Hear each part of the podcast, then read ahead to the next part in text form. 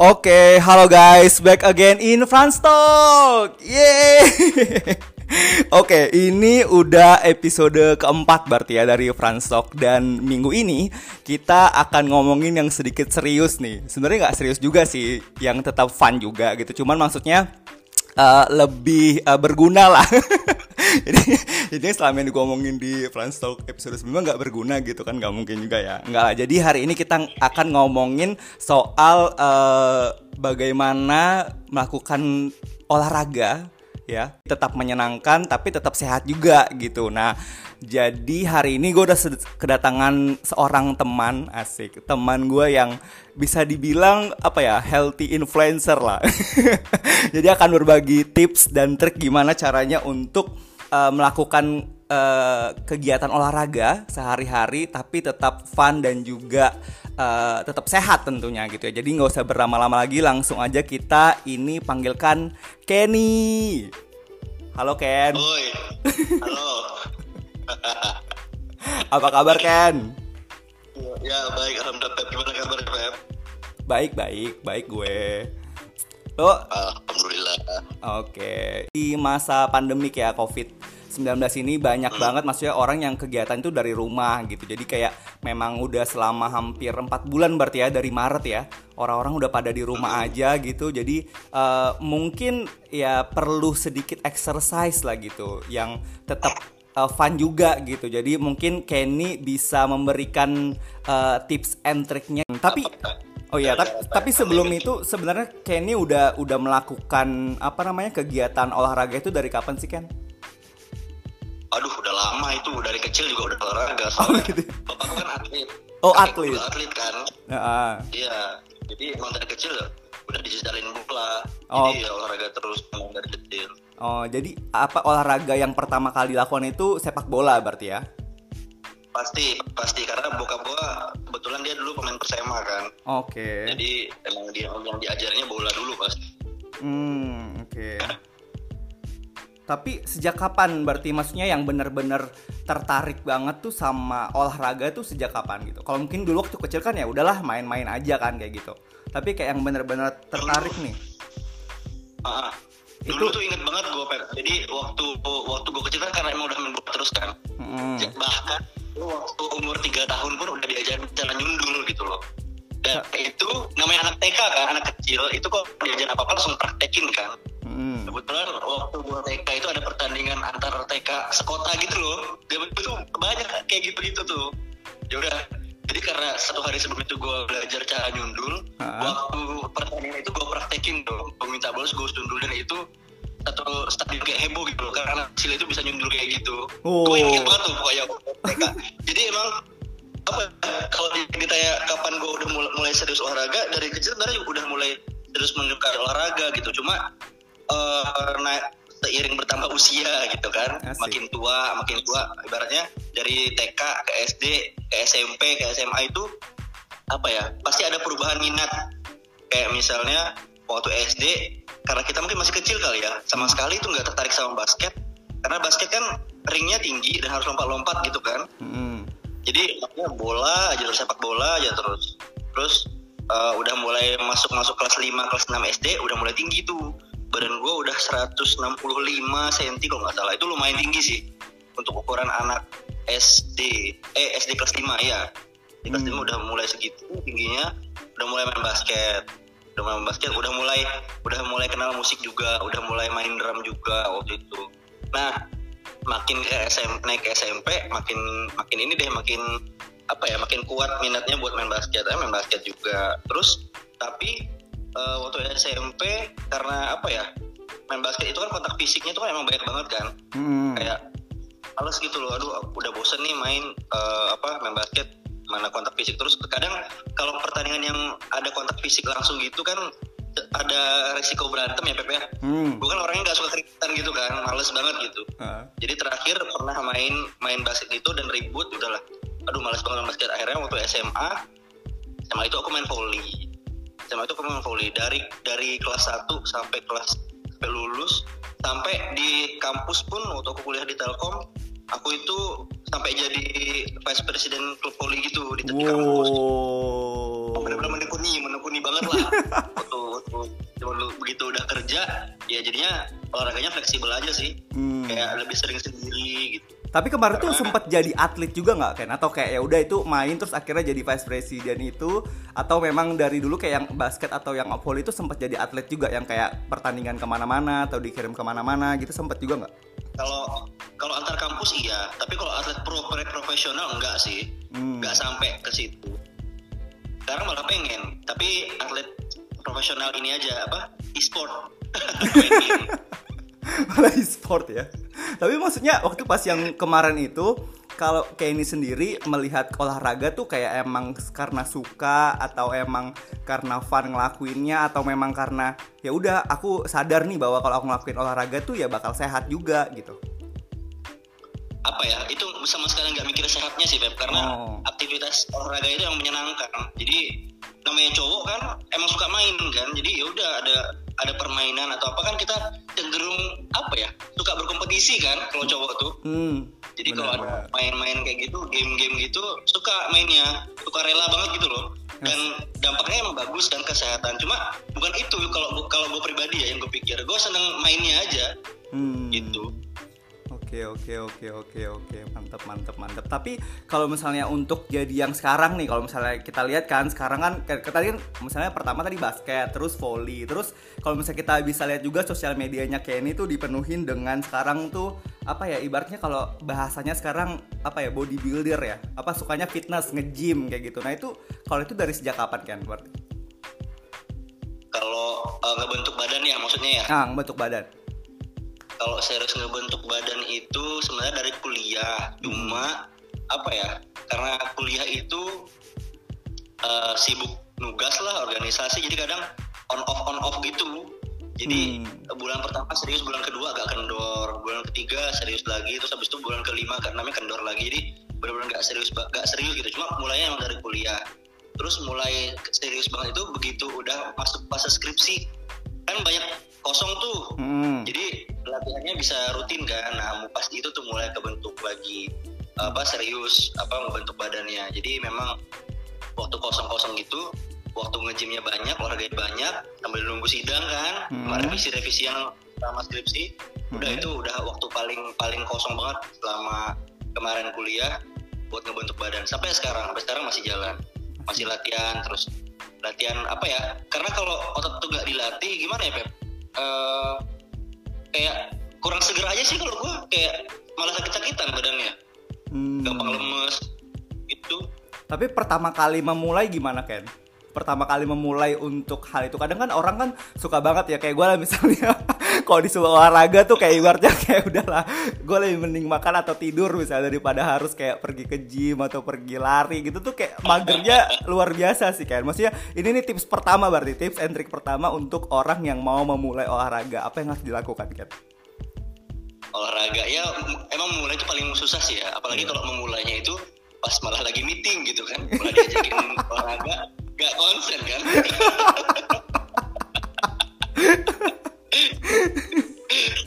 lu harus berlari sembari memikirkan angka gimana? Aduh, aduh gue nggak ikut ikutan nih bahas ini ya. kenapa emang apa yang salah enggak ini Oh, iya, di beberapa case terjadi loh Oh, ada orang oh oke oke oke. lagi mumet hidupnya gitu kan Oh gitu gitu. Eh, lagi mumet pikiran Heeh. ya jogging maksud gua kalau emang ada jogging di sela-sela itu ya jangan sambil dipikirin lah Oh, Maksudnya, gitu. ya kalau jogging itu jogging itu jadikanlah itu break gitu break dari eh, kepenatan lu apalagi kalau misalnya kerjanya terkait sama angka dan angka gitu kan pusing Oh iya benar benar benar benar. tapi maksudnya jangan terlalu apa ya schedule-nya itu loh maksudnya begitu udah lari udah kosong gitu itu emang buat lari buat isti- buat eh, istirahat dari pikiran lu terus lu lah inilah bener-bener fokus ke badan gitu olahraga eh having fun aja cari cari keringet eh gue nggak suka sih sama istilah cari keringet maksudnya ya cari sehat lah cari keringet mah nukang juga bisa kali Iya benar benar benar. Benar benar benar benar. cari gitu lu gondok-gondokan sama orang juga keringetan Oke. gitu kan Iya benar benar benar benar benar benar. Jadi tadi tipsnya adalah untuk refresh ya. Bisa untuk refresh dan juga Ya. having fun ya. Jadi motivasinya bisa untuk kedua hal itu gitu. Bisa eh tapi sebenarnya itu bukan tips sih Pep Itu bukan tips. Jadi apa tipsnya nih? Apa tipsnya? Jadi kalau buat memulai itu sebenarnya harus harus ada niat. Kadang gini loh kalau mau memulai itu uh, terkendala sama goals. Kalau gue kan misalnya ada goals yang gue pengen tuju, misalnya gue pengen badan gue kayak gini, Ah. nah itu jadi motivasi, jadi motivasi yang membuat gue akan memulai itu. Mulai itu paling susah banget memang minggu Mm-mm. pertama gitu ya.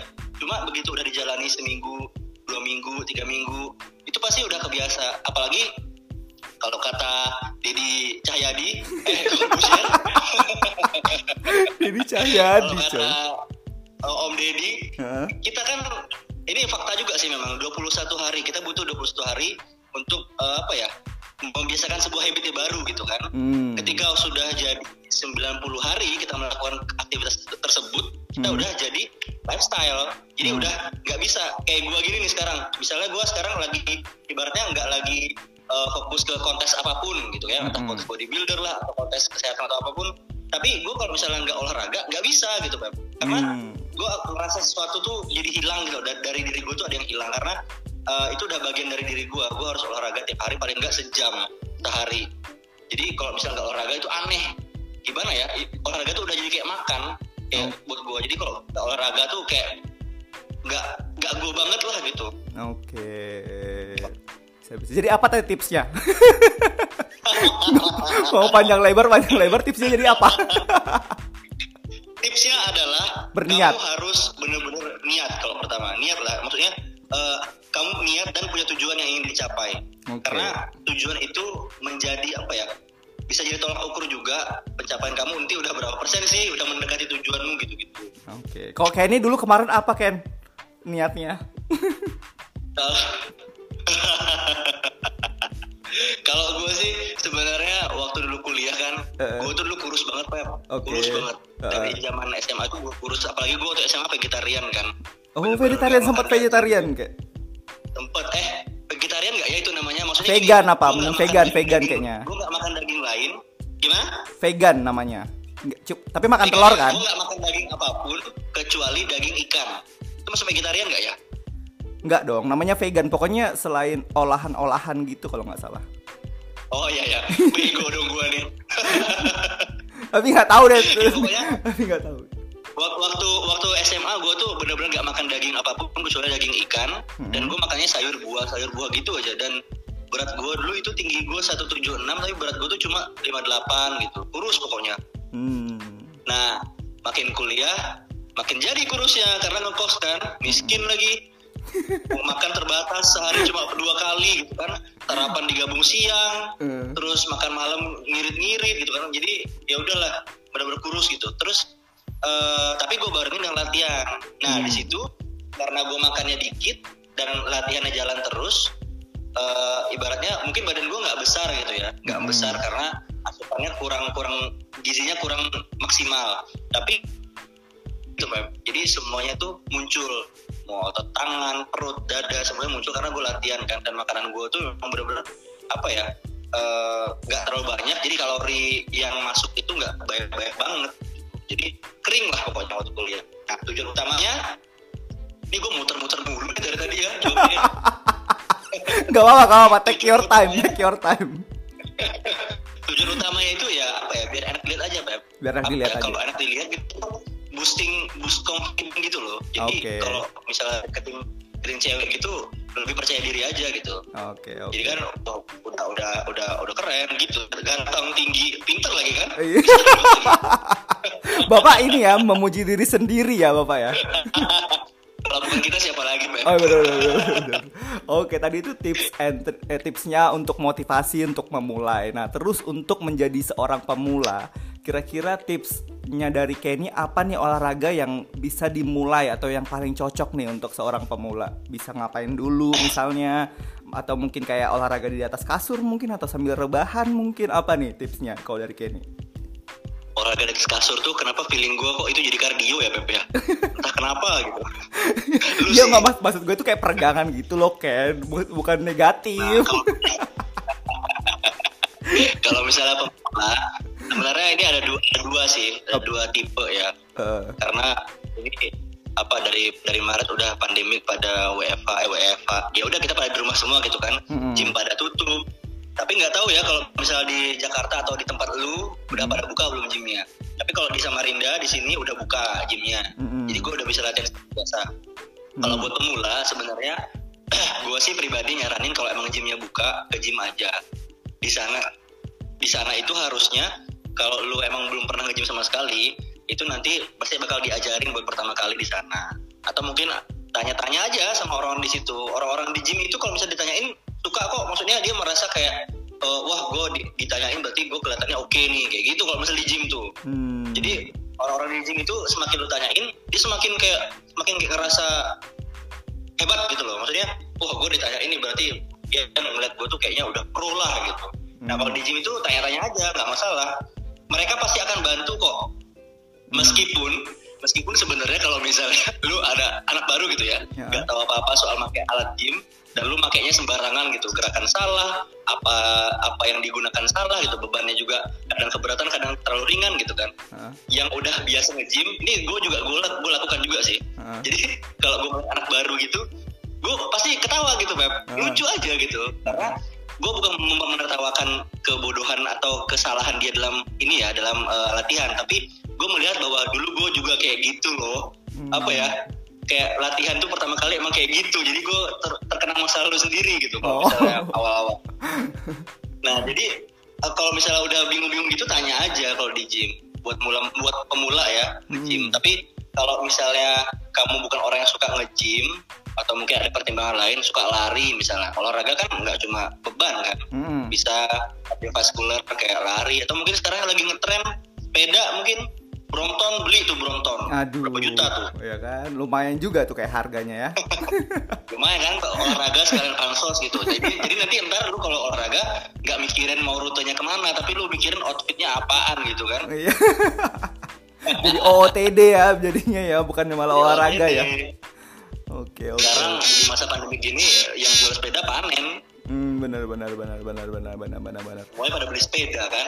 Betul betul betul betul. Jadi tadi kayak lebih lebih ke hal yang bisa pilih lah ya. Maksudnya kalau misalnya mau ke gym ya bisa ke gym, bisa tanya-tanya. Kalau misalnya mau olahraga lain juga uh, boleh gitu. Tapi kalau misalnya untuk pemula sendiri kan, dia itu harus kayak apa namanya? Kita memperhitungkan juga nggak sih kayak lamanya itu harus seberapa lama nggak sih gitu kayak apa dia kayak ya udah lo yang penting sampai keringetan selesai atau kayak uh, sampai badan-badan sakit misalnya. Soal pernah kan gue pernah itu kayak angkat beban gitu kan. Terus kayak aduh gila ini kok kayaknya nggak kerasa kayak gitu kan. Karena memang masih pertama kali terus kayak menggebu-gebu kan. Kok nggak kayak, kerasa? Terus kayak latihan latihan latihan kayak ah, sampai sejam gitu kan terus pulang-pulangnya besoknya kan bangun-bangun tuh kayak ibaratnya badan tuh nggak bisa digerakin gitu loh kan kayak lo die gitu loh. Nah kalau menurut kayak ini sendiri kalau untuk pemula itu uh, waktunya itu harus lama nggak sih atau kayak harus sebentar aja atau kayak berapa lama sih kira-kira untuk pemula tuh untuk olahraga?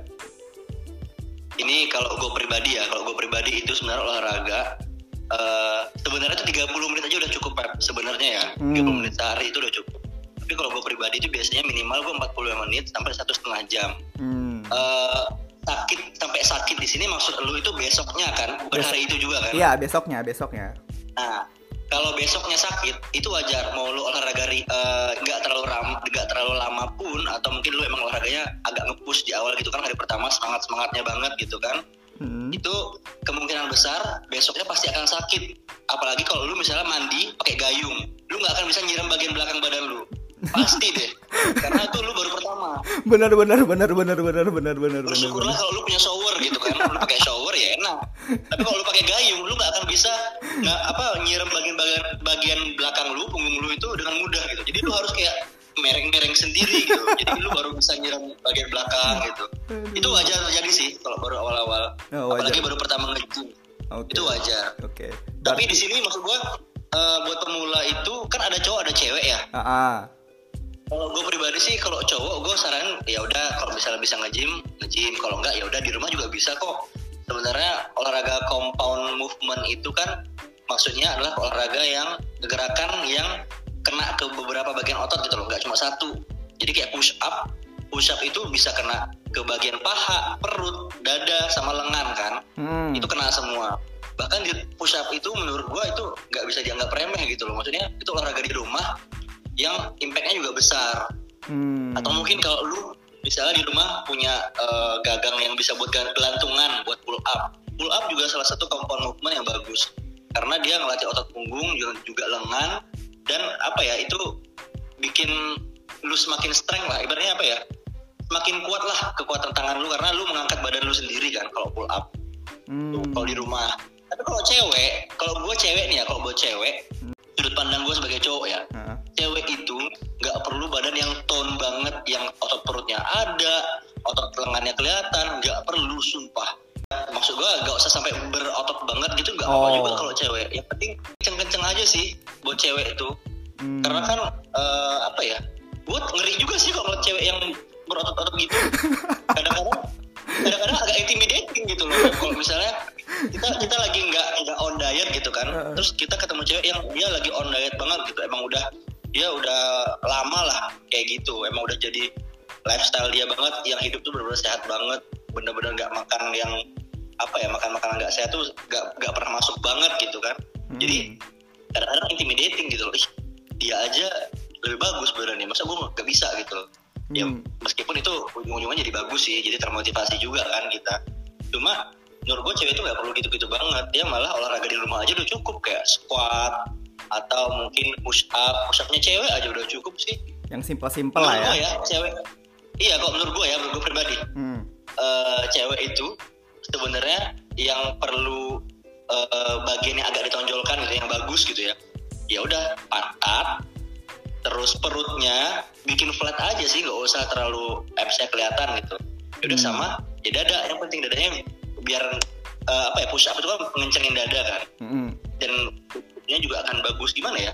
Lu paham lah. Kenapa gue paham lah? Ada apa ini? ya pasti lu paham lah maksud gua. Jadi kan cewek itu ya ya itu aja itu aja sih sebenarnya kalau yang gue lihat gitu yang yang yang membuat gua mengatakan badan cewek itu eh, apa ya diorganize dengan baik itu ketika ya tiga komponen utama itu dia olah dengan baik gitu loh. Oh, meskipun sebenarnya eh, yang lain juga perlu ya. Tapi kok menurut gue cewek itu olahraga di rumah aja tuh bener-bener udah cukup. Apalagi dia ditambah dengan eh, ada kayak rubber band atau Hmm. ada alat-alat simpel kayak dumbbell yang bisa dia pakai di rumah buat buat udah cukup banget sih sebenarnya. Cewek itu nggak perlu nge-gym kalau buat gua. Tapi Hmm. ada juga kan orang yang suka olahraga di luar bosan di rumah. Apalagi kalau misalnya ibu rumah tangga yang di rumah terus pengen olahraga di luar ya pilihan sih sebenarnya benar benar benar. Yang penting maksudnya dia nyaman, dia fun gitu, nggak usah yang terlalu berat-berat. Yang penting simple gitu ya kan ya. Karena kan kalau cewek Iya, juga nggak nggak nggak perlu yang harus happy sih Iya harus happy, benar benar benar benar benar benar. Tapi maksudnya biasa kalau misalnya Kenny sendiri, misalnya waktu pas gym tuh, yang buat, maksudnya ada nggak sih hal tips yang dibikin sama Kenny gitu, misalnya harus dengerin lagu apa, atau atau misalnya harus sambil apa, misalnya olahraganya gitu, yang membuat tuh moodnya jadi bagus gitu, atau kayak ya udahlah yang penting gua eh, ngelakuin aja kayak gitu, atau gimana Ken? kalau kalau aku ya misalnya di gym kalau misalnya emang mau fokus niatnya Mm-mm. mau fokus buat olahraga Hmm.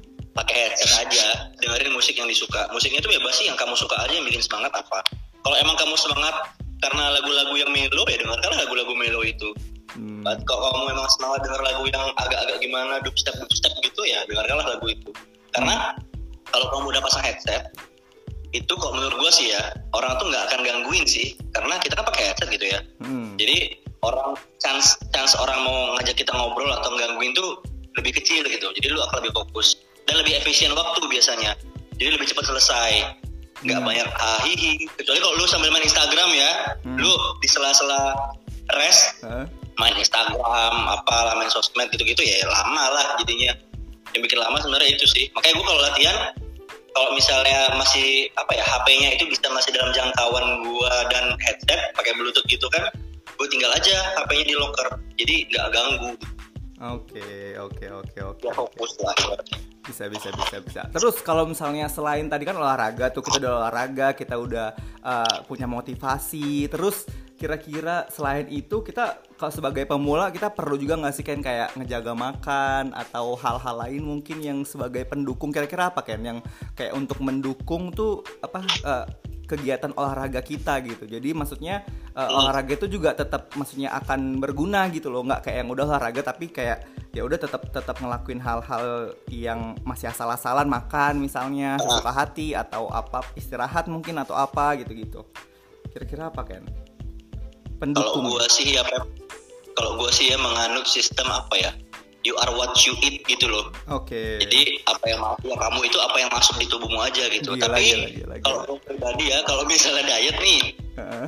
kalau misalnya mau mau uh, makan makanan sehat sebenarnya kebanyakan orang ini suka salah.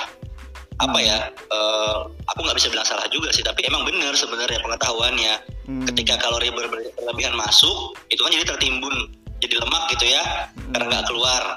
Jadi mereka mengkat kalori itu, mengkat mereka juga cut sama karbo takut banget sama kar karbo maksud gua karbo itu gak jahat.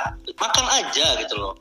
Apalagi yang baru baru mau mulai olahraga banget itu nggak bisa tiba-tiba dia olahraga langsung tiba-tiba ganti pola makan ganti menu makan langsung yang sehat-sehat semua terus apa ya badannya belum ber- beradaptasi gitu loh Pep Hmm. menurut gua jangan kayak gitu juga gitu karena lu badan lu ber- belum beradaptasi. Jadi kalau buat dietnya baru mulai olahraga nih makan aja kayak biasa dulu.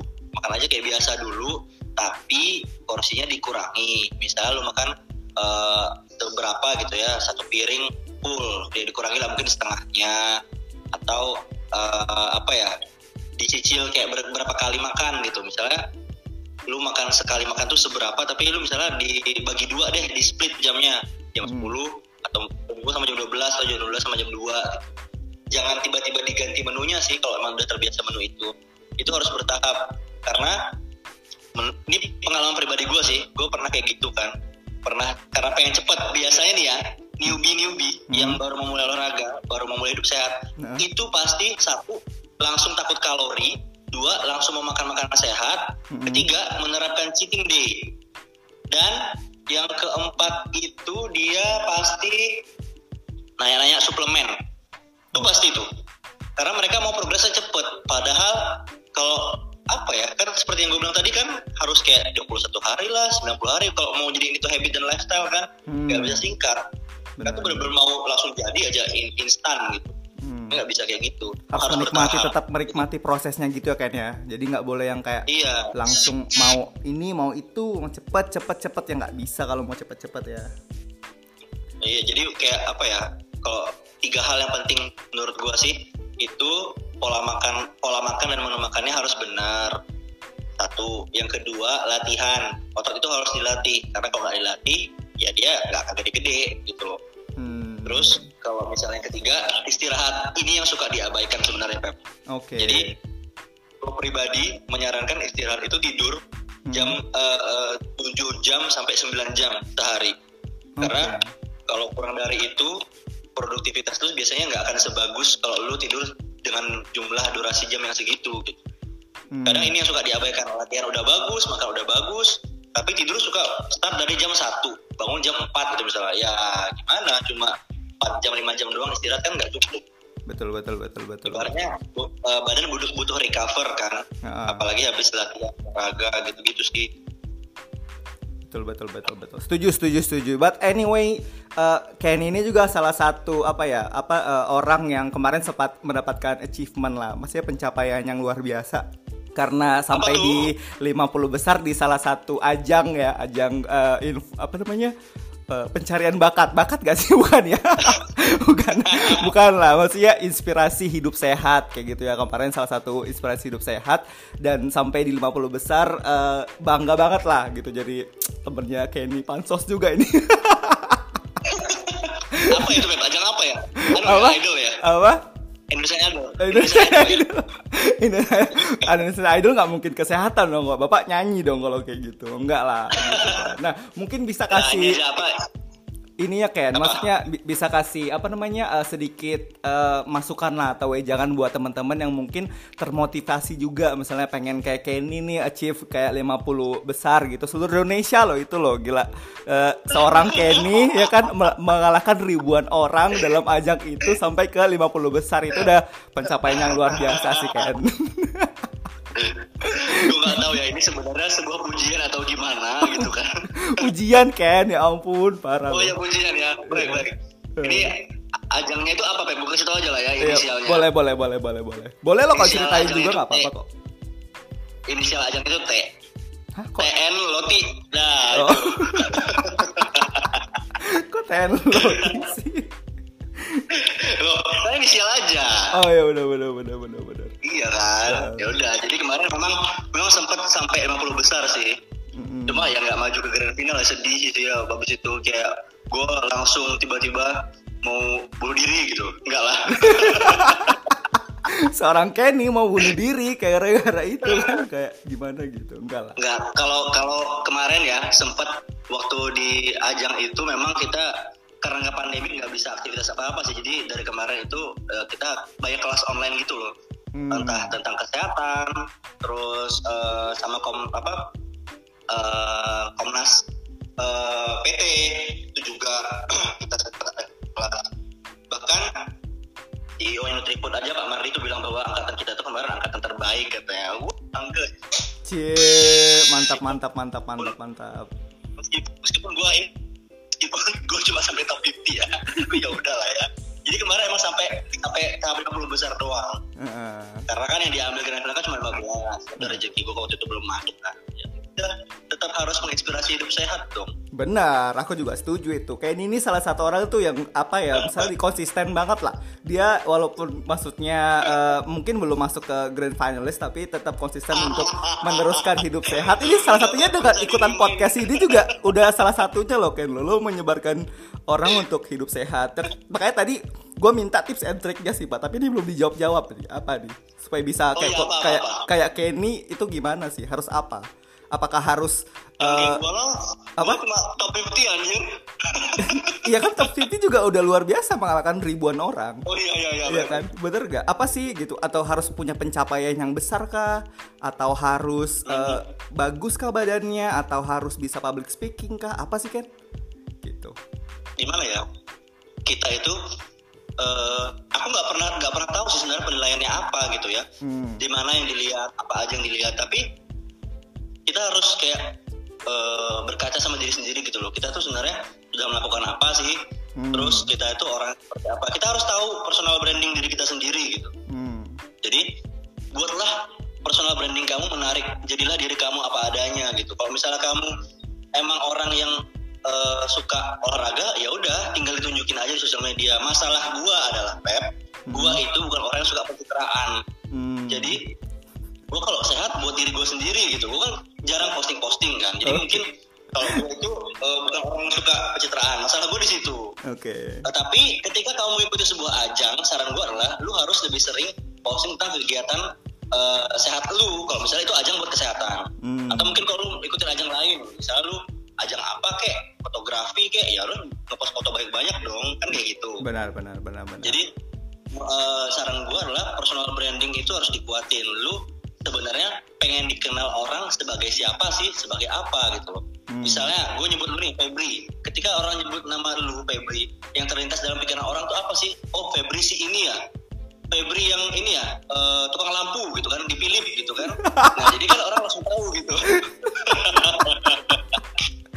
Parah parah parah parah parah Nah, kan gitu itu itu itu personal branding. Ketika hmm. orang tahu gue, misalnya gue kerja di pegadaian gitu kan. Hmm. Oh ini mas yang suka edukasi soal emas. Hmm. Oh ini mas yang suka masih tahu bahwa sampah-sampah itu bisa jadi emas loh. Nah kayak gitu. Hmm. Personal branding gue itu juga salah satunya seperti itu. Gue ada pegawai BUMN gitu kan hmm. di pegadaian.